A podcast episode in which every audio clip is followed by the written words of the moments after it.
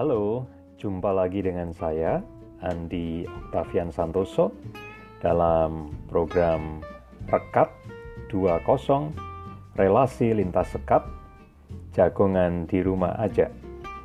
Program podcast kali ini bertujuan untuk merekatkan hubungan lintas sekat dengan rekan-rekan saya dari berbagai latar belakang kehidupan dan semoga bisa menginspirasi kehidupan kita sekalian. Salam rekat.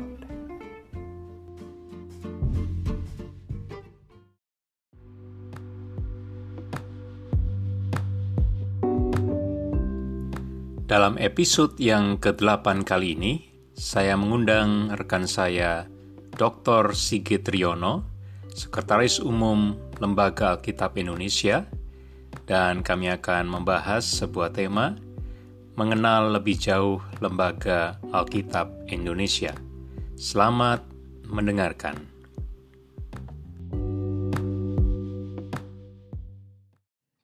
Halo lagi. Ya, ah, ini sudah. Uh, Selamat pagi Pak. Selamat pagi di sana ya Pak. Selamat malam di sini. Saya sudah siapkan kopi dua dua gelas ini sudah. Ya. ya. Oh, gitu ya. Jadi bisa dikirim lewat PA aja Pak ya. oh gitu ya Pak. uh, kopi apa namanya ya? kopi tubruk. Oh, Iya. ya. Ya, uh, selamat pagi Pak Sigit. Ini senang sekali Pak Sigit boleh uh, bersedia meluangkan waktunya di Sabtu pagi ini untuk bergabung dengan jagongan di rumah saja atau relasi lintas sekat. Nah, memang ini tujuannya untuk merekatkan yang jauh di mana pun kita berada, tetapi dalam situasi pandemik ini kita mencoba mencari uh, sesuatu yang positif yang kita bisa kerjakan dan itu salah satu latar belakangnya Pak uh, mencari kesibukan juga untuk uh, di tengah-tengah situasi ini. Ya. Ya. Terima kasih. Ini ada Pak Andrea Santoso uh, teman Pak Andi Pak Andi ya? Pak. Oh Pak Andreas Santoso ya? Iya, iya orang. iya. Oh ini Pak Andreas Santoso dari RCTI ya? Ah, dari Kalbe dulu Pak, sekarang di, di Mulia. oh oke oke. Ya ya ya ya ya Salah satu ketua LAI beliau. ketua LAI Ya, ya. Oh, oke. LAI salah satu. Oh, dengan Pak Aristarkus. Ya, ya. Ya, Ya. sama. Ya, salam. Ya, terima kasih Pak Andi ini. Ini Iya. luar biasa ini ya. Saya Iya. mengikuti beberapa sesi Pak Andi dan ini upaya untuk membuat jadi lebih bergairah ya dalam masa pandemi ini. Betul, Pak. Dan juga Pak Andi dapat kesempatan studi di Amerika. Oh, Iya, iya. Sangat sedikit sangat sedikit orang yang bisa mendapatkan kesempatan itu dan Iya, ya, dengan adanya satelit yang terus nyala, saya kira kita bisa berkontak 24 jam meskipun di situ sudah menjelang tengah malam ya. betul, betul. Ya, ya. Ya, terima kasih Pak Andi. Ya. Malam. Ya, kita eh, sudah jam 10 lebih 02, jadi kita masuk lanjut aja ya, Pak. Eh, Ya. Tapi sebelumnya, Pak, saya tuh diingatkan eh, kita mesti foto dulu karena berapa kali ini karena eh, baru gitu ya. Ya, Selama ini nggak pernah foto bareng kepada kita sudah menghadirkan teman-teman yang ber- berbagi waktu. Nah, kita akan coba ambil gambar dulu Pak. Oke. Oke, kita satu, dua, tiga. Cheers. oke. Oke, oops. Saya juga ambil ya.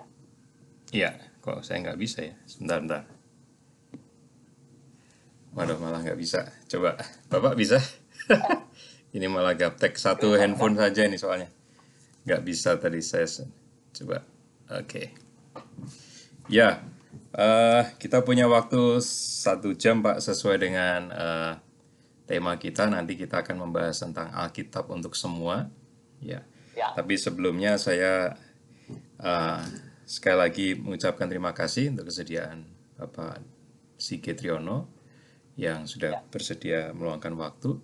Dan saya mencatat sedikit uh, ya Bapak ini ter, terus terang saya terinspirasi ketika bertemu di sosial media ini. Salah satu saya membaca beberapa tulisan-tulisan yang sangat aktif dia di WhatsApp di dan uh, salah satu hashtagnya tuh salam holis uh, salam damai holistik kalau nggak salah. Oh, betul ya pak ya, ya, ya, dulu, ya. itu di mana-mana ya. saya saya penasaran nih siapa beliau kemudian saya. Nah ternyata uh, ya bapak siapa-siapa melayani di LAI dan ya terakhir kita bisa bertemu di Semarang. Ya terima kasih waktu itu saya ya. senang kita bisa berkolaborasi dengan Sinode GKMI dengan LAI dan sekarang uh, kita melanjutkan untuk pelayanan-pelayanan ke depan.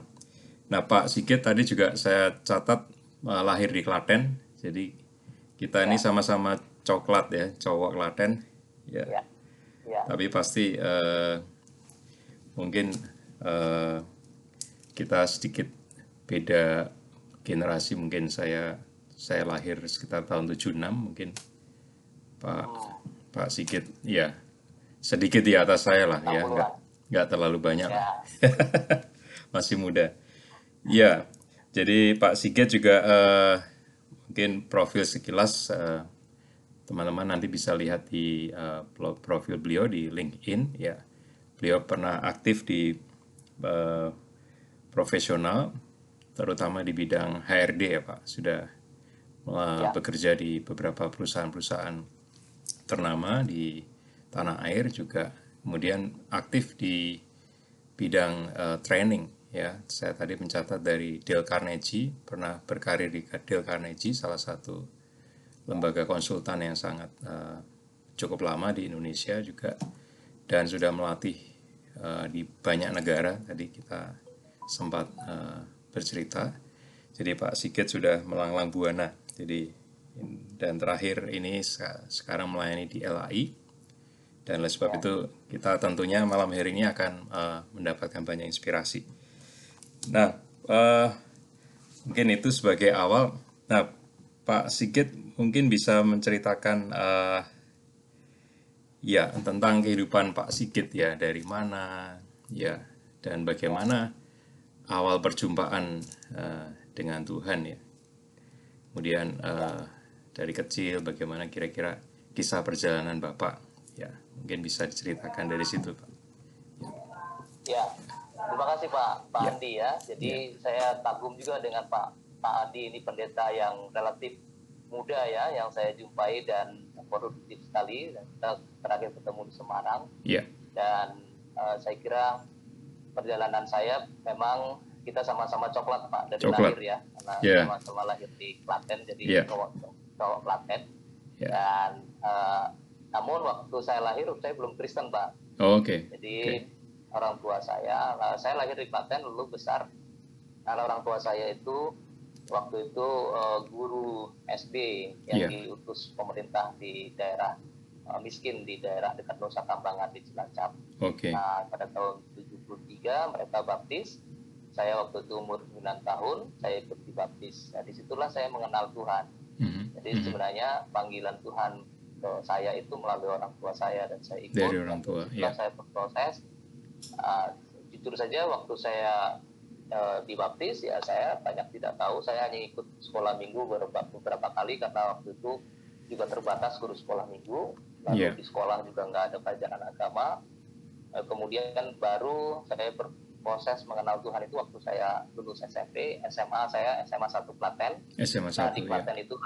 di Klaten itulah saya uh, kos uh, di dekat GKJ Klaseman. Oke. Okay. Kemudian juga saya uh, apa menjadi pengurus pemuda di Klaseman, lalu kemudian saya ber saya berproses uh, uh, apa uh, belajar CD, mm -hmm. belajar CD selama satu tahun.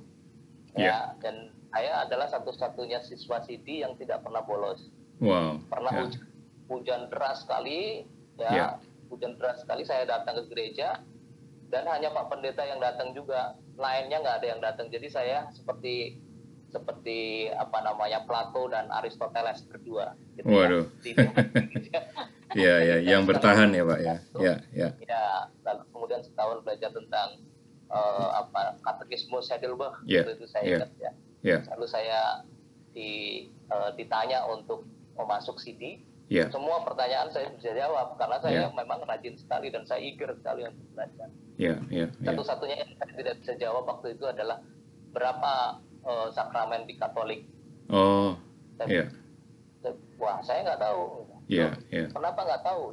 Saya saya kan bukan Katolik, jadi untuk apa saya tahu? ya, ya, ya, ya. Jawabannya jujur aja. Ya, jujur saja. ya, ya, ya, ya, ya. Nah, dan di situlah berproses Pak. Lalu kemudian saya jadi pengurus pemuda. Iya. Saya kuliah di Jogja. Saya aktif. Saya kuliah di Jogja itu kuliah itu bagi saya nomor nomor nomor 8 Pak. Oke, Ya karena saya aktivis. Jadi saya itu ngurus pemuda gereja. Oke. Saya jadi pengurus persekutuan mahasiswa Kristen. Saya Iya. jadi pengurus GMKI gereja eh, Pak GMKI itu dekat dengan GKMI itu Pak. ya, tinggal kebalik. Ya, GMK. Dan memang, memang lokasinya juga dekat dengan GKMI juga. Ya, itu ya, ya, karena ya. sama-sama di Sejarahnya. Kan. Ya, ya, Ya, gerakan mahasiswa Kristen Indonesia saya ngurus di situ. Lalu saya kadang juga berkontak dengan GKMI itu. ya, ya, Ya, lalu saya juga punya, saya mengurus eh, majalah mahasiswa Kristen. Saya punya kelompok eh, apa pemahaman Alkitab. ya. Lalu saya juga eh, apa pengurus pemuda gereja. Hmm, hmm, Ya. hmm. Jadi saya ngurus segala macam. Nah, kuliah itu, nah nomor tujuh saya pacaran pak, nomor Oh, delapannya saya- baru kuliah, tujuh pacar. Ya, ya, ya. Yang satu itu nyaris-nyaris pak, Ya. nyaris nggak lulus itu S1. Ya, tujuh tahun tiga bulan saya S1 ya, Ya, karena ya. saya karena belas kasihan kampus saja jadi saya lulus. Nah saya karena tidak saya begitu kuat, Ya, saya ya. yang salah satu saya syukuri adalah saya tidak pernah melamar kerja. Oke, Jadi se- sebelum lulus saya sudah ditawari kerja pak. dilamar nah, ya. Di situlah ya. saya kerja di Dale Carnegie. Nah, Ya. di Dale Carnegie itu tahun 89, Pak. Nah, tahun 89 akhir itu saya diajak oleh bosnya Dale Carnegie, Pak Sun Siregar namanya. Oh, Pak Sun Siregar. Beliau, Ya, ini, ya, beliau ini pengurus komisi LAI, pengurus komisi SDM-nya LAI. Nah, Oke. di situlah saya berkenalan dengan LAI. Saya ketemu dengan Pak Fardan waktu itu ya, sekumnya. ya, Wah, saya nggak punya bayangan bahwa saya akan jadi sekum, nggak punya, Pak. Saya ya, ya. waktu itu hanya bawa bawa bantu bawain tasnya Pak Sun Siregar Waduh, karena Pak Sun yang mau memberikan Ya, memberikan ya. ceramah ya, ya. nah, saya anak buahnya Pak Sun diajak waktu itu nah, saya waktu itu bersama Andrea Sareva Andrea Oh, Sareva Pak itu teman Syarifa. Ya, ya, ah, nah dari situlah saya Ya. berproses lalu kemudian tahun 95 di saat saya kerja di Matahari saya sudah Mhm. kerja di Matahari Pusat Prima retail terbesar di Indonesia Ya. saya diminta untuk menjadi anggota komisi ya, SDM dan umum Yeah. lembaga kita Indonesia. Di situlah saya ber, berproses, berkenalan dan berkontribusi kepada LAI Yeah. sampai tahun 2018. Jadi saya cukup lama sebenarnya.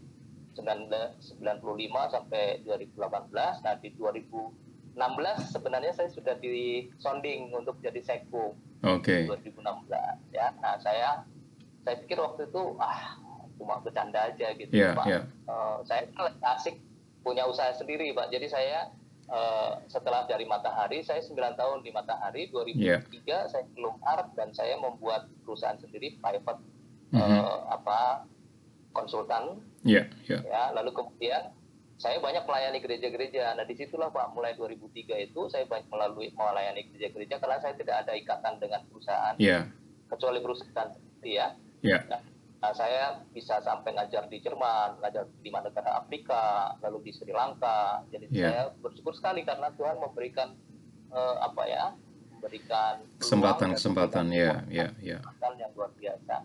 ya. Nah 2016 lagi asik-asik begitu, lalu datang tawaran. Saya bilang Pak, ada calon lain kan? Saya kan hanya salah satu alternatif. Silakan diproses dulu. Iya, gitu. iya, iya. Nah itu 2017 datang lagi. Kayaknya ngarahnya ke Pak Sigit ini. Gitu. Iya, wah kalau begitu saya doa dulu saya berdoa dan saya minta doakan juga keluarga dan teman-teman lah iya, apakah betul ini panggilan Tuhan gitu karena saya menganggap ini pekerjaan eh, apa pekerjaan pelayanan yang harus serius gitu kan betul, betul. ternyata pada pada akhir 2017 difinalkan bahwa memang saya yang diminta khusus dan saya Ya. jawab ya sudah. Lalu 2018 Februari dilantik. Nah pas 9 Februari itu eh, apa ulang tahun Lembaga Indonesia. Iya. Nah di situ saya, saya dilantik jadi sekum. Itulah perjalanan ke menjadi apa sekumnya. Iya.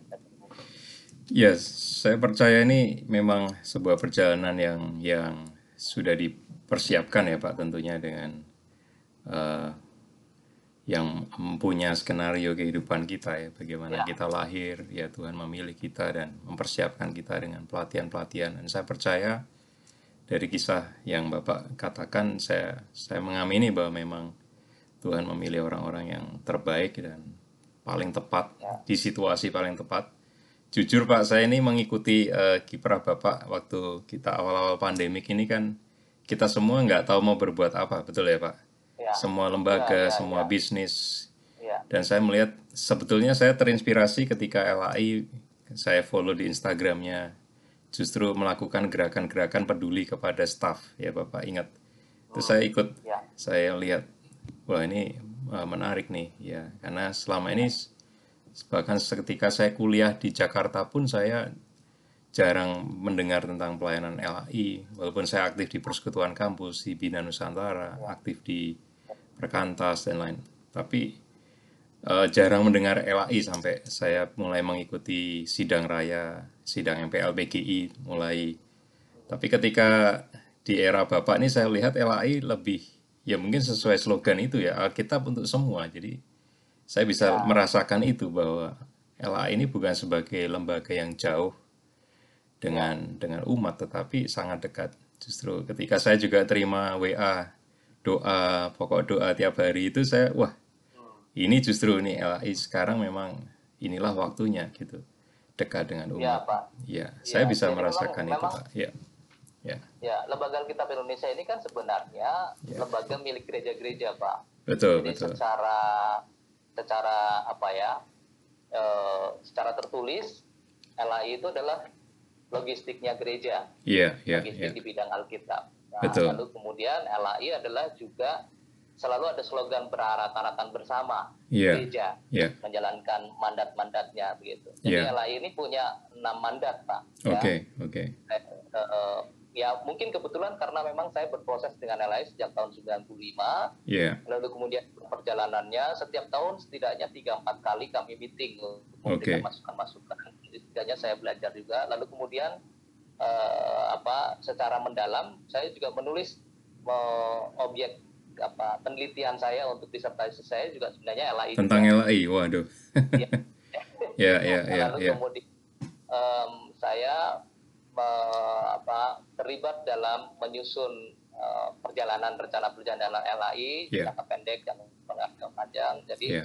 begitu saya jadi sekum ya saya tinggal implementasi implementasi saja sebenarnya rumusan-rumusan yang Wow, sudah ya. banyak. Nah, itu saya implementor saja. Kalau dulu Iya. saya konsultan, nah Iya. sekarang saya implementasi dan saya seperti insting saja apa yang harus diimplementasikan gitu. Iya, Nah, iya. menghadapi pandemi tidak mudah memang, Ya, tapi prinsip yang dalam benak saya adalah yang pertama harus perhatikan internal gitu. Iya, karena iya. kita keluarga pak keluarga itu oh, makanya saya slogan terakhir saya juga mengatakan 3K ya, jadi kesehatan ya, itu nomor satu ya. nomor dua keluarga nomor Iya. tiga kerja ya, jadi ya. 3K ini menjadi satu segitiga yang sama sisi yang tidak boleh eh, nggak ada artinya kalau kita sehat tapi keluarga kita termasuk keluarga di kantor ya Iya, tidak iya. sehat Ya, ya, nggak ada artinya juga. Kalau kita sehat keluarga Iya. sehat ya, jadi 3K ini betul-betul saya saya sosialisasi. Ya, nah lalu makanya eh, pertama kepedulian terhadap internal internal Iya. kita bereskan dulu. Dan kemudian kita oh, seperti orang mengayuh sepeda nggak boleh berhenti. Ya, ya, tetap mengayuh supaya tetap berdiri. Nah kita juga begitu. Lalu Iya. melahirkan terobosan-terobosan. Nah terobosan yang utama adalah eh, doa bagi bangsa ya, kita lahirkan kita munculkan doa bagi bangsa voice note kita kirim ke semua mitra dan Iya. kita tunjukkan bahwa kita peduli pada bangsa ini peduli Iya, pada iya, umat iya. peduli pada kita yang kita layani nah di situ pak jadi kita bagian dari semua itu sehingga kita tidak diam lalu kemudian terobosan berikutnya adalah membuat produk-produk eh, video yang kita Iya. tayangkan Kemudian kita juga uh, tetap menyelenggarakan yang tadinya offline kita kita ubah menjadi online. online. Yeah. Nah, lalu kemudian terbitan-terbitan setiap minggu ya kita deliver. Lalu kemudian kita juga uh, kemarin kita baru selenggarakan jabore untuk anak yeah, yang cukup betul. sukses ya. Yeah, yeah. Jadi banyak sekali anak-anak yang merindukan kapan lagi ada lagi kak gitu ya. Yeah. Jadi malam ada siaran langsung. Ini betul. si uh, Mary Jones ada di sini nih uh, bergabung melihat kita ya yang jadi tokoh Mary Jones. Mary Jones. Lain itu okay. uh, sangat menggairahkan anak-anak sehingga anak-anak tiap malam menjadi baca Alkitab yeah, yeah. ya satu pasal sebelum tidur dan seterusnya gitu. Jadi ada banyak terobosan-terobosan yang kita yang penting tidak diam. Betul Kalau betul. kita diam ya kita tidak akan bisa uh, mengoptimalkan apa yeah. metabolisme kita. Justru itu pak dan memang LAI hmm. LAI ini kan uh, apa tadi saya mau cerita nama mandat ya mandat yeah, pertama yeah. itu terjemahkan nah ya. sejarah yeah. LAI itu pak sebenarnya dimulai tahun 9 tahun 1954 yeah. ya bulan uh, Februari tanggal 9 jadi yeah. tahun ini 66 tapi sebelum itu sebenarnya jauh sebelum itu itu uh, penerjemahan Alkitab sudah dilakukan, Pak. Mm-hmm. Terjemahan tertua itu 1602 itu Injil Matius dalam bahasa Melayu kuno. 1602, 1602 ya, Pak. Wow. Itu wah itu sudah dikerjakan, Pak. Ya, Bahkan yeah, tahun yeah. 18 sekian itu terjemahan bahasa Jawa sudah ada. Okay. Nah, LAI, LAI Lembaga Alkitab Indonesia itu 9 Februari 15 1954, 1954. Dan sampai hari ini terjemahan itu uh, baru yang Alkitab Utuh itu 34 bahasa dari 700-an okay. bahasa lebih di Indonesia. Yeah. Kita baru mampu 34 ya, 34 bahasa. Sedangkan perjanjian baru itu, itu baru 108 bahasa. Oke. Okay. Nah, satu bahasa menerjemahkan dari bahasa asli di Pak. LAI tidak pernah menerjemahkan dari bahasa Inggris, Belanda, yeah. apa, Spanyol, Portugis tidak pernah, tapi asli. Bahasa, bahasa asli. Ibrani, Aram dan Ibrani. Yeah. Nah, Yunani. Terjemahan itu yeah. harus ya Yunani, yeah. Ibrani, yeah. ya Yunani dan Aram ya. Yeah. Nah Alkitab itu tidak boleh tidak boleh tidak akurat, makanya itu butuh lama. Betul, jadi, betul. Perjanjian lama itu 15 tahun, perjanjian baru itu lima tahun, jadi 20 tahun itu Pak. Iya, iya, iya. Itu kalau menerjemahkan. Jadi ini tiga, baru 34, perjanjian baru itu 108. Yeah. Nah, untuk mengerjakan 108 perjanjian lama itu butuh 15 tahun satu bahasa itu berarti kalau 100 saja berarti sudah berapa itu yeah. ya kalau misalnya kita kita kerjanya itu apa e, membutuhkan waktu yang begitu lama kalau disatukan ya kita ini proyek ribuan tahun betul habisnya, betul betul ya. lalu yang kedua produksi nah produksi kita yeah. sekarang cetak dan non cetak ya dengan aplikasi dengan iya. digital yeah. ya lalu yang ketiga penyebaran yeah. ya disebarkan setelah diproduksi disebarkan. Nah penyebaran ini sekarang ini teman-teman di pelosok-pelosok negeri itu masih membutuhkan yang cetak pak. Tahun hmm. ini LAI menargetkan 105 ribu Alkitab cetak dikirim ke daerah-daerah di pedalaman. Yeah. Ya, dan itu uh, membutuhkan biaya yang tidak tidak rendah, ya tidak sedikit. Lalu mandat keempat sesudah diterjemahkan, diproduksi dan dicetak tentu harus uh, dibaca yeah. nah, engagement Bible engagement nah, yeah. Bible engagement inilah kita banyak lakukan sekarang Pak melalui bincang Alkitab melalui yeah. doa bagi bangsa yeah. melalui uh, seminar Alkitab kursus Alkitab Betul. jambore ya lalu kemudian inspirasi generasi dan seterusnya itu banyak engagement yeah, yeah. lalu ada lagi advokasi Pak advokasi, advokasi. ini ya mendampingi gereja-gereja untuk memahami bagaimana pemahaman tentang uh, terjemahan Alkitab mm -hmm. dan terakhir hmm. ministry mm -hmm. ya ministry yeah. bagaimana kesaksian Alkitab untuk supaya bisa dikenal. Nah sekarang yeah. sekarang adalah kesempatan ya Pak Andi ada di yeah. uh, ujung balik bumi kan saya di balik yeah, bumi yeah, yang yeah. sini Pak balik bumi yang tanah gitu. Yeah, yeah. Ini kita bersyukur disatukan oleh satelit yang di angkasa. Yeah, berjumpa di udara. Bisa yeah di udara dan kita bisa memperbincangkan yeah. dalam kerangka ministry. Yeah, yeah, yeah. Nah, uh, enam mandat inilah sebenarnya saya tidak pernah kehabisan tidak pernah kehabisan program, tidak pernah kehabisan ide karena memang begitu luasnya Pak mandat ini. Yeah, Dan yeah. semua mandat ini kita lakukan, LAI lakukan tidak pernah tidak bersama gereja. Yeah. Nah, di situlah sebenarnya makanya di Indonesia ini eh, kedekatan antara LAI dengan gereja-gereja itu sangat sangat apa ya penting sudah ya eh, ya sudah instinktif kan Ya. saya Pak Andi begitu membuka Alkitab sudah ada logo LAI udah Ya. pasti ingat Ya. hati ya Semua. Betul. nah makanya ini juga perspektif juga kalau misalnya ada terjemahan yang tidak ada logo LAI biasanya gereja langsung tanya ini Ya. siapa nih yang menerjemahkan ya ya kita bersyukur berproses selama 66 tahun itu. Nah, ke depan memang kita harus terus me- apa, meningkatkan sinergitas dengan gereja-gereja. betul betul Nah, enam, enam mandat ini kita kerjakan dengan enam, enam pilar mitra juga, Pak Andi. ya Ya, ya enam pilar mitra itu mitra pertama yang utama adalah gereja. ya Ya, antara LAI dengan GKMI ya saya sudah tanda tangan MOU pada waktu itu di apa di kantor sinode Ya. yang sekarang sudah diruntuhkan tuh kantor sinode ya GKMI ya. ya semoga dibangun ulang sedang dibangun ulang Ya. ya ya Lalu kemudian eh, apa mitra kedua adalah individu-individu.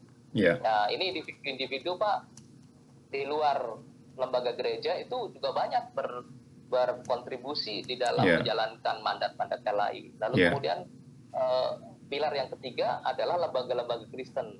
Nah ini termasuk lembaga pendidikan. Ini penabur ulang tahun Pak hari Minggu ini ulang tahun Ya. ke-70 itu Dasawarsa. ya Penabur itu setiap tahun mengkontribusikan Pak murid-murid Hmm. itu iuran Mhm. dan kumpul itu ratusan juta Wow. untuk meng- untuk berbagi gitu ya ya untuk mengadakan Alkitab dan dikirim ke pelosok-pelosok ya itu itu ada mitra LAI yang luar biasa lalu mitra keempat adalah dunia usaha Ya. ya melalui CSR, CSR eh, dunia usaha kita dekati supaya CSR-nya juga eh, berkontribusi terhadap Ya. eh, mandat lembaga Indonesia lalu mitra kelima adalah eh, pemerintah Mhm. ya Mhm. pem- Pemda Pemda yang mayoritas Kristen itu kita minta untuk menganggarkan mereka ya misalnya Sulut misalnya Papua itu mereka semua ber, apa, berkontribusi untuk Iya. bisa eh, apa sama-sama menjalankan enam mandat LAI dan mitra yang ketujuh ya adalah persekutuan internasional. Nah, Pak Hmm. Andi ini adalah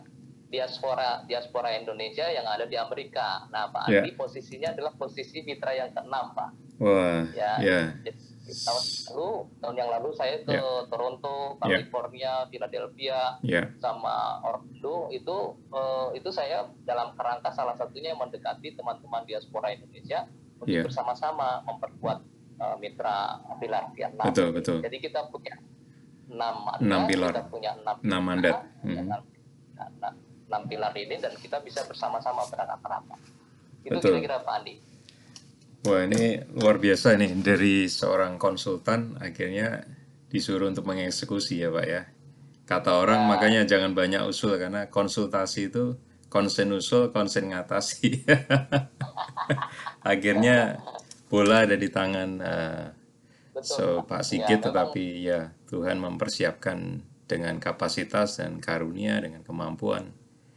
Ya ini, Ya, amin. ini sesuatu yang Ya, luar biasa ya. Ya. Ini karena hostnya karena hostnya pendeta jadi begitu pak nadanya pak. Nadanya begitu. Ya Iya. saya sebenarnya mengalir aja sih pak. Iya, saya iya. sebenarnya mengalir saja. Saya menikmati perjalanan hidup. Iya, iya, iya. Saya, memang saya tipenya orang yang kalau sudah eh, apa mengerjakan sesuatu saya nggak ngotot memang. Hmm. Jadi, jadi eh, waktu saya jadi konsultan, saya Mhm. pernah punya pengalaman pak. Ya. Jadi klien saya, saya dorong untuk melakukan skenario progresif. Gitu. Iya, iya. Jadi saya berikan tiga skenario Mhm. progresif, moderate, sama konservatif. Gitu. Iya.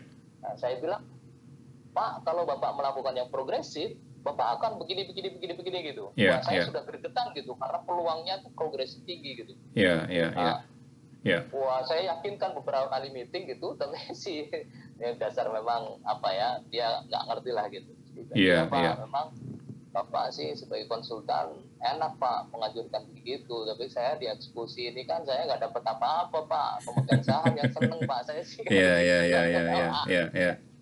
Iya. Saya nggak kalau saya, nah saya sekarang di sisi eksekutor ya, jadi Iya. saya eksekutor ya saya nikmati saja Iya. eksekusi-eksekusi yang sebenarnya rumusan-rumusan saya Sudah dirumuskan, ya, ya. Nah, Pak mencatat eh, bahwa peranan gereja di Indonesia kan eh, ya istilahnya sangat dekat dengan LAI dan dan umat itu ya istilahnya ada di gereja-gereja gitu ya karena LAI tidak mendirikan gereja dan sebagainya. Tapi bagaimana selama ini pengalaman dengan eh, gereja-gereja yang yang Bapak temukan? Karena setahu saya memang tidak mudah dengan sebelum Covid ini kan tidak mudah gereja-gereja itu untuk untuk berubah gitu ya dengan perkembangan zaman ada banyak birokrasi mungkin Bapak tahu ya birokrasi ini harus. Nah tapi dengan Covid ini kan ya semua akhirnya terbuka. Ya kita sendiri yang yang harus berubah mau nggak mau. Nah apakah Bapak melihat ini sebagai sesuatu yang yang ya inilah waktunya ya gereja-gereja juga berubah juga bekerja sama dengan LAI yang sudah juga bergerak begitu rupa terjadi sinergi-sinergi yang luar biasa. Tadi saya mencatat masih ada banyak orang-orang yang masih mendambakan Alkitab yang tercetak ya 105 ribu dan apakah selama ini peran gereja sudah cukup uh, maksimal atau belum Pak menurut Bapak selama ini? Ya. ya. Jadi begini Pak, kalau kita petakan ya uh, umat-umat di pinggiran yeah. sebenarnya masih kalau misalnya kita katakan 26 juta orang Kristen di Indonesia ya mm -hmm. dan mm -hmm. katakanlah 10 juta lah gitu yeah, berarti yeah. 16 juta ada di pinggir-pinggiran Pak yeah. 16 juta di pinggir-pinggiran itu mereka secara akses nggak ada apa terbatas yeah. ya kita lagi kejar-kencarnya membangun infrastruktur kan selima tahun terakhir kan yeah, yeah. sebenarnya jadi infrastruktur itu daerah-daerah itu masih waduh masih terbatas apa yeah, sinyal yeah. terbatas ekonomi terbatas yeah. nah di situlah sebenarnya uh, eh, LAI masih masih terus dalam dalam hal distribusi ini memang cetak kita masih mencetak pak yeah, yeah. ya untuk dikirimnya 155 ribu setahun itu sebenarnya sedikit pak kalau okay. di kalau dilihat dari kebutuhan ya yeah. tapi itu yang kita yang kita mampu untuk karena 155 ribu itu pak kalau dirupiahkan itu 12 miliar. Waduh. Kita mencari ya, ya, ya, kita mencari uang 12 miliar rupiah ya Pak ya, bukan dolar ya. Iya, iya, iya, ya. Wah. Dolar. Itu udah banyak sekali nolnya. Iya, ya. Jadi uh, kita mencoba mencari uang itu untuk tadi dengan enam pilar ini Pak. Mm -hmm. Saya keliling ke mana-mana ke enam pilar kemitraan itu untuk meyakinkan bahwa memang teman-teman di daerah-daerah yang terpinggirkan itu masih membutuhkan dan apa yang kita lakukan itu selalu bersama gereja pak. Yeah. Bagaimanapun yeah. yang daerah terpencil itu juga anggota-anggota gereja. Kita Betul. kontak dengan gereja lokal. Yeah. Ya misalnya tahun lalu kami ke Bovendigul. Yeah. Ya kita kontak uh, persekutuan gereja-gereja di Bovendigul. Ya yeah. ada GKI Tanah Papua, ada gereja Pantekosta, ada gereja Betel. Kita bersama-sama yeah. mereka. Yeah. Ya, uh, kita mengadakan mengadakan penggalangan dana ya di Jakarta lalu kemudian juga di mitra-mitra di daerah mm-hmm. karena kita punya yang teraktif lembaga kita Indonesia itu sekitar 35 ribu yeah, uh, yeah. apa ama apa iya. walaupun yeah. sebenarnya kecil sekali itu kita punya kita punya target satu juta mitra sebenarnya pak yeah, yeah. satu juta itu kan sebenarnya kecil dibandingkan 26 juta ya betul nah tapi pendataan gereja-gereja pendataan juga memang ya kita harus akui keterbatasan pendataan ya tapi yeah sekali lagi dukungan gereja itu besar sekali pak. Mm-hmm. Jadi uh, donasi yang datang ke LAI itu 80% itu datang dari gereja pak. Betul betul.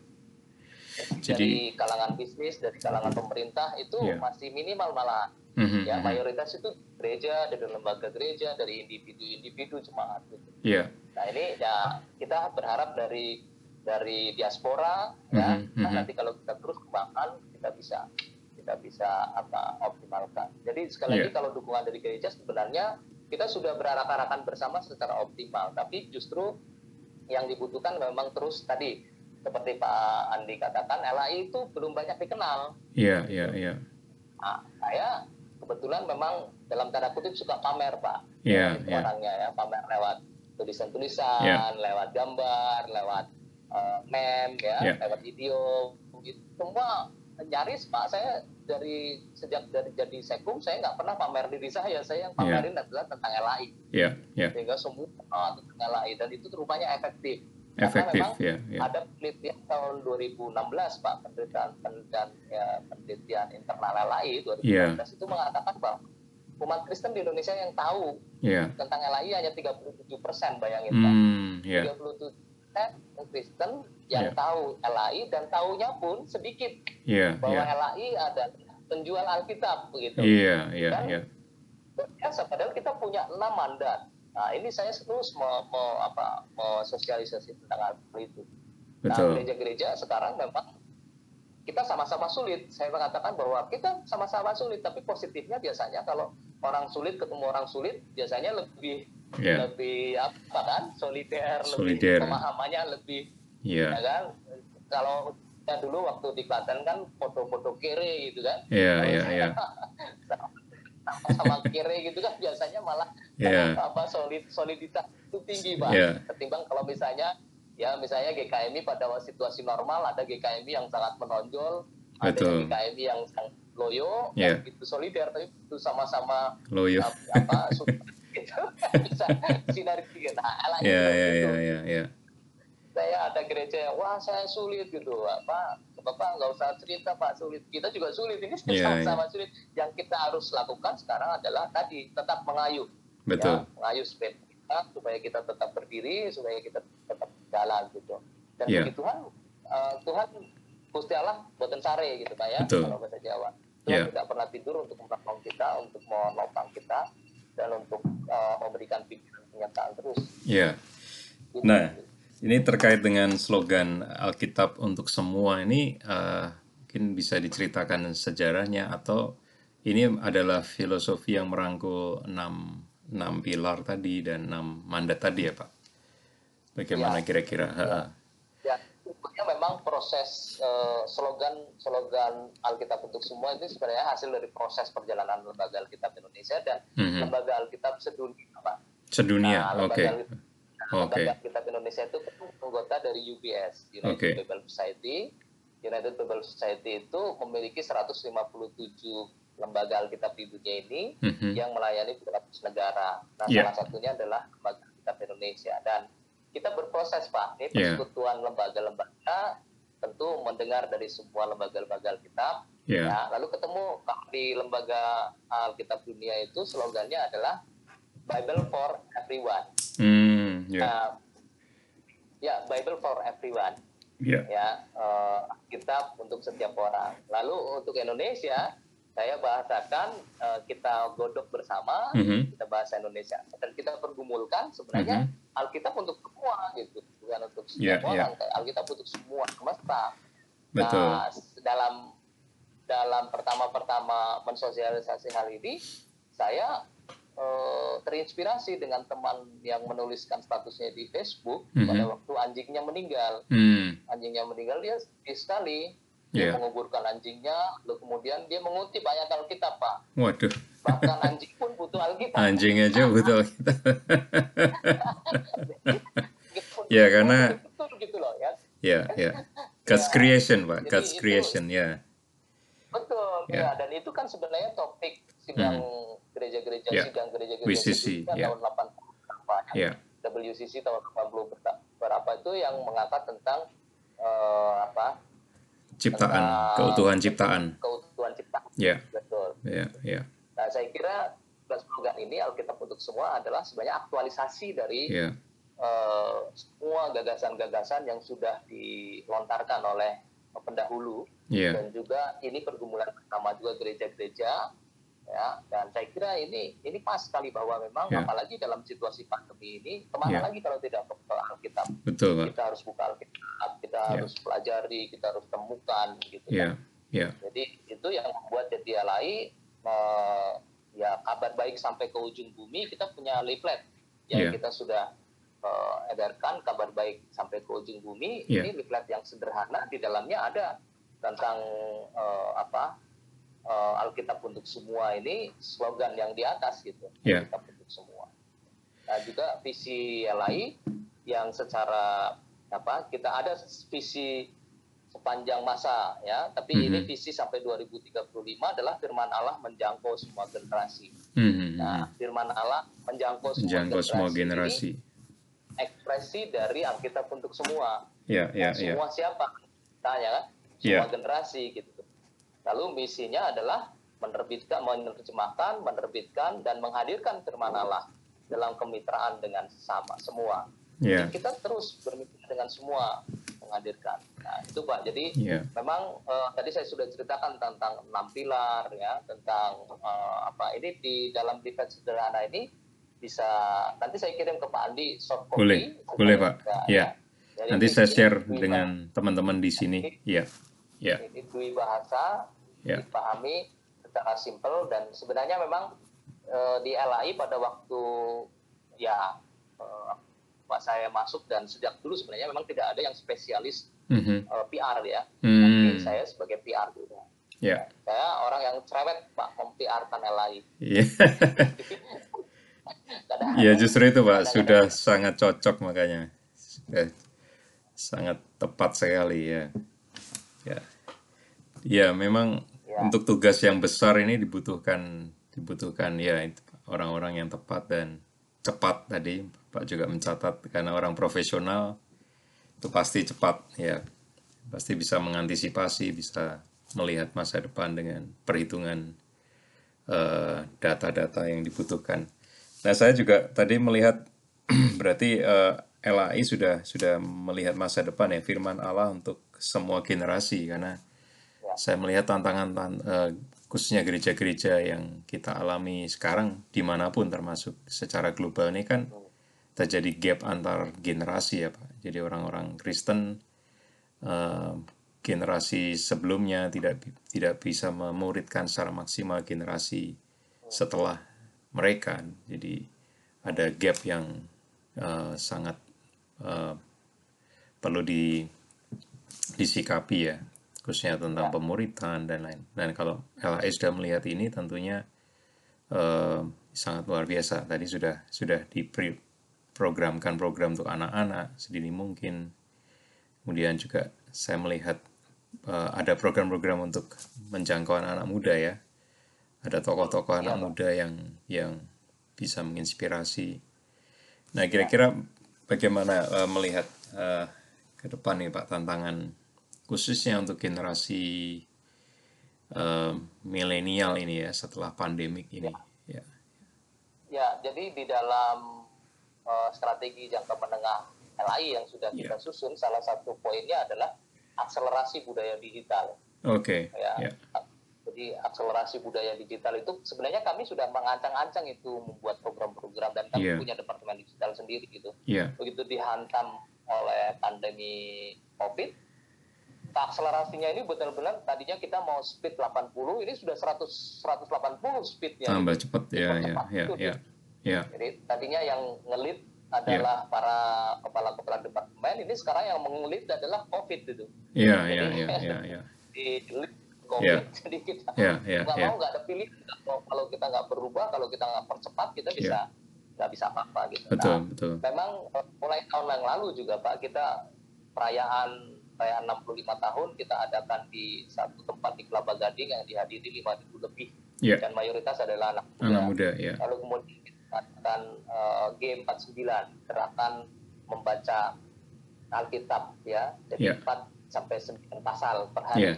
Ya. G49 ya. Gerakan G49 dan itu ada forum uh, Price and uh, and Worship Ya. waktu itu dihadiri 6 ribuan anak muda. Mhm, Jadi mhm. kita sebenarnya tahun lalu kita sudah menjangkau untuk untuk anak muda dan tahun ini uh, tentu juga anak-anak. Kita selalu setiap tahun ada ada camp anak-anak.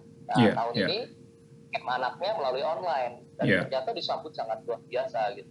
Ya. Jadi memang LAI ini semua generasi terutama ya generasi-generasi anak-anak, Iya. remaja, pemuda ini menjadi satu prioritas, Prioritas. di zaman yang ya di zaman yang digital ini Ya ya. dan eh, apa nanti kita akan adakan ini sebentar eh, tanggal 26 Juli kita ada program eh, doa bagi bangsa live streaming Oke ya kita oke. berharap itu juga menjangkau semua generasi Ya ya. lalu kemudian nanti eh, akhir eh, Agustus kita ada G49 G49 online Pak jadi Oke. itu explore Bible ya. explore Bible jadi ini 12 jam 12 Iya. jam online nah itu kita akan kita akan pacu untuk supaya bisa menjangkau generasi muda lalu kemudian Betul. ada hari doa Alkitab di bulan September juga kita akan libatkan anak-anak muda Ya. nah khusus untuk lansia nanti bulan Oktober Pak karena Ada Oktober juga. itu ada hari lansia nasional Ya. jadi kita akan jangkau juga lansia ya jadi nah, lansia ini juga uh, mereka rindu sekali untuk untuk apa bersama-sama Dilibatkan, ya. Tuhan lalu. Ya. Jadi Ya. itu oh, apa kita upayakan. Lalu produk-produk misalnya kita kita sudah menerbitkan untuk eh, apa remaja itu bahkan ini pak ya Mhm. produk seks Oke. tabu atau harus tahu. Oke. Nah, ini adalah sebenarnya bersumber pada Alkitab. Bible nah, ini study kita ya. adakan seminar ya, kita Ya. ada, uh, kita undang pembicara remaja yang Ya. untuk bisa uh, berbicara tentang ini basisnya Alkitab. Ya. ini untuk menjangkau, mendekatkan dan ini sambutannya luar biasa. Oke. Jadi ada banyak orang tua yang tidak bisa menjawab pertanyaan anak-anaknya Ya, karena ya. tidak tahu oh, referensinya apa gitu. Ya, Nah, ini ya. banyak orang tua yang akhirnya mendampingi anak-anaknya yang remaja dengan buku yang simple yang Ya. yang ini buku tipis pak tapi ada banyak gambar-gambar ya hanya 100 eh, 107 halaman ya Ya. isinya gambar-gambar simple-simple gitu ya semua berbasis Alkitab bagaimana supaya bisa menjangkau anak-anak remaja Iya, berarti sangat sangat eh, sudah dipersiapkan untuk semua eh, generasi ini ya. Secara praktek sudah ada penerbitan-penerbitan, ada program-program yang disiapkan untuk. Nah ini eh, tinggal bagaimana gereja-gereja eh, meresponi menggunakan semaksimal mungkin ya ya materi-materi ini. Ya, ya nah tentu juga pak eh, yang apa produk-produk eh, sekarang tidak tidak hanya cetak kan yang non cetak itu juga sebenarnya mengantarkan. Ya, ya seperti seperti program Jambore Nasional Anak itu sebenarnya sebagai mengantarkan supaya mereka supaya mereka mengenal. Ya, ya, dan mereka akhirnya itu ke Alkitab gitu. Betul, Ujungnya betul. adalah semua harus membaca Alkitab. ya, Jadi ya. kita juga terbitkan Alkitab Alkitab tematis Mhm. ya misalnya tema keadilan itu ada Mhm. Alkitabnya tema Oke. finansial lalu Ya. yang kita sedang proses tema parenting pak Oh, oke. ya usahakan supaya Alkitab itu juga peduli kepada Mhm. keluarga Ya, ya eh, lalu kemudian akan di apa akan dipelajari tentang tema-tema yang lain yang yang rele, ya, yang Ya. relevan ya. Ya.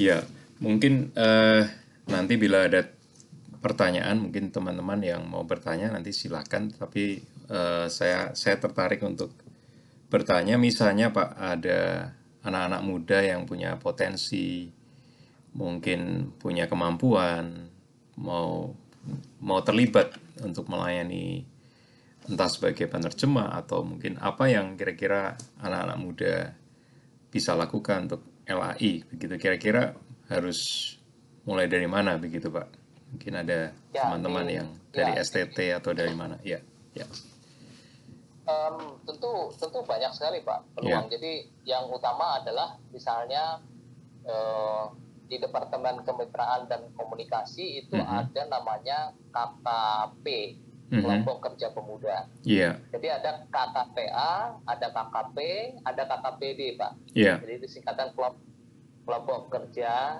pembina anak itu Mhm. KKPA. iya Itu kumpulan kumpulan guru-guru sekolah minggu, orang-orang tua gitu yang peduli pada anak iya ini aktif pak jadi Iya. mengadakan program-program yang mendukung tentang camp ada perlombaan-perlombaan ada lomba mewarnai lomba gambar lomba paduan suara anak lomba membaca masur anak gitu. Iya. Itu membantu sebenarnya ini membantu gereja untuk mendekatkan anak-anak kepada kita. Betul. Lalu ada kelompok kerja pemuda KKP nah kelompok pemuda eh, eh, pemuda eh, ini memang KKP ini kelompok kerja pemuda ini paling sulit pak. Mhm, karena anak mhm. muda itu sebenarnya goyah terus ya. Iya, jadi iya. eh, eh, apa, sulit ditangkap tapi ada tempatnya. Jadi pernah Diberikan ruang, ya, iya. lomba, Mhm. ya pertandingan futsal iya iya ya dan kemudian eh, apa pelatihan pelatihan untuk pemuda public speaking. Iya ya itu kita kita selenggarakan supaya mereka bisa dibekali dan pada akhirnya mereka mencintai Alkitab. Iya iya lalu baru di kelompok kerja penggalangan dukungan. Nah ini memang orang-orang dewasa. Iya. aktivis ya, jadi untuk pemuda sebenarnya Mhm, berikutnya mahasiswa mahasiswa STT yang mereka berminat untuk terlibat dalam proyek penerjemahan kita terbuka pak. Cuma memang memang komunikasinya kan harus khusus ya. Iya untuk iya. terjemahan itu mudah memang tapi Iya. ini misalnya sekarang ada proyek Marble namanya Iya. itu um, mahasiswa STT Jakarta terlibat untuk melakukan apa pekerjaan ini. Uh, Betul. proyek Marble itu membuat satu uh, program ya digital yang kalau kalau nanti Alkitabnya sudah jadi itu bisa diklik mm-hmm. uh, kata tertentu ada penjelasannya. Mm-hmm. Jadi misalnya Matius 3 ayat 12 klik gitu Langsung, nah, yeah. balik itu catatan kakinya itu Yeah. ada gambar-gambar ada segala macam itu yang mendukung tentang itu atau misalnya Matius ada kata kudus misalnya Yeah. Ya. Nah, itu betul tentang penjelasan kudus bukan kota kudus pak Iya, iya, iya, kudus. jadi kayak kayak gitu ya Yeah, ini yeah. sedang dikembangkan Jadi eh, ada banyak peluang, ada banyak kesempatan anak-anak muda bisa terlibat. Ya, termasuk mungkin Ya. yang jago buat program-program digital. eh, Nah, ya, ya. Ya, kalau misalnya em, apa namanya ada program-program yang sifatnya digital itu sebenarnya kita punya empat perwakilan pak, Medan, Ya. Manado, Makassar dan Jayapura. ya, Untuk Manado eh, itu sudah sudah pernah ada workshop tentang digital. betul, Ya, betul. lalu kemudian yang Makassar itu kita juga selenggarakan workshop digital anak-anak Mhm. muda yang yang pesertanya. Mhm. Jadi ini sebenarnya menjangkau yang Manado itu sudah punya komunitas digital, Iya, iya, komunitas digital yang buat video-video klip, yang membuat eh, apa pengembangan-pengembangan ide-ide kreatif, dan itu Mhm. ada tempatnya.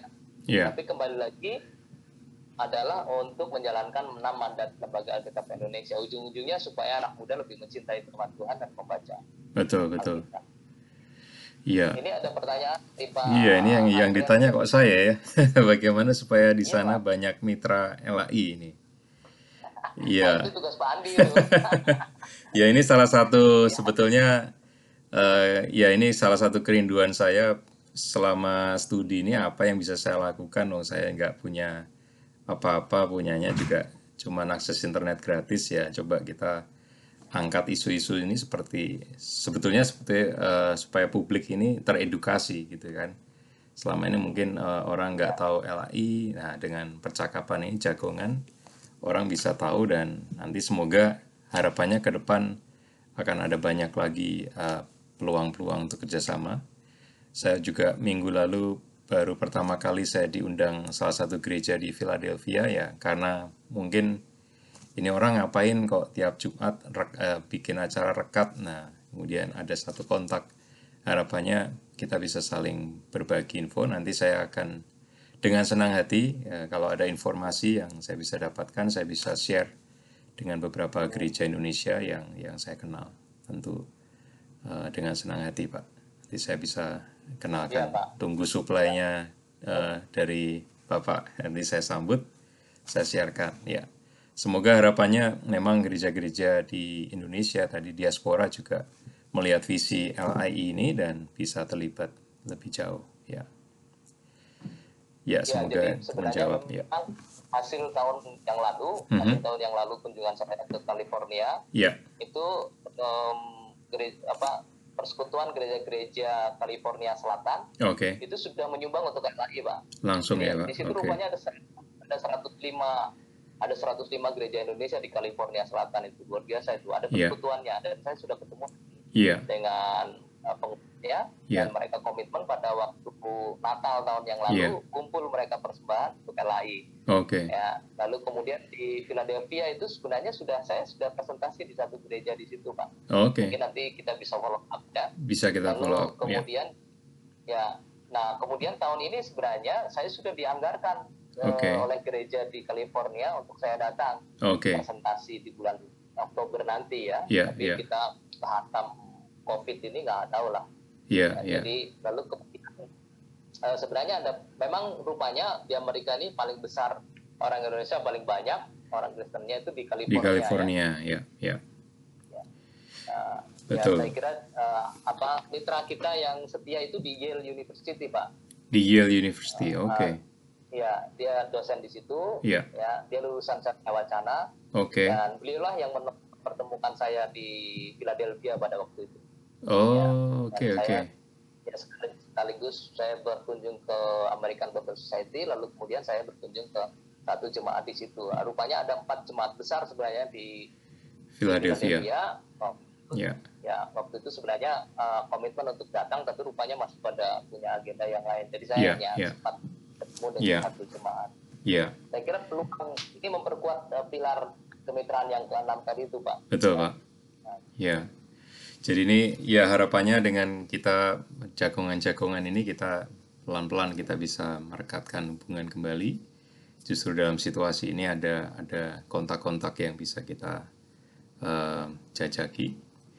Nah, kita punya waktu 6 menit. eh, semoga Instagram masih memberikan kita kesempatan karena tadi kita lebih awal.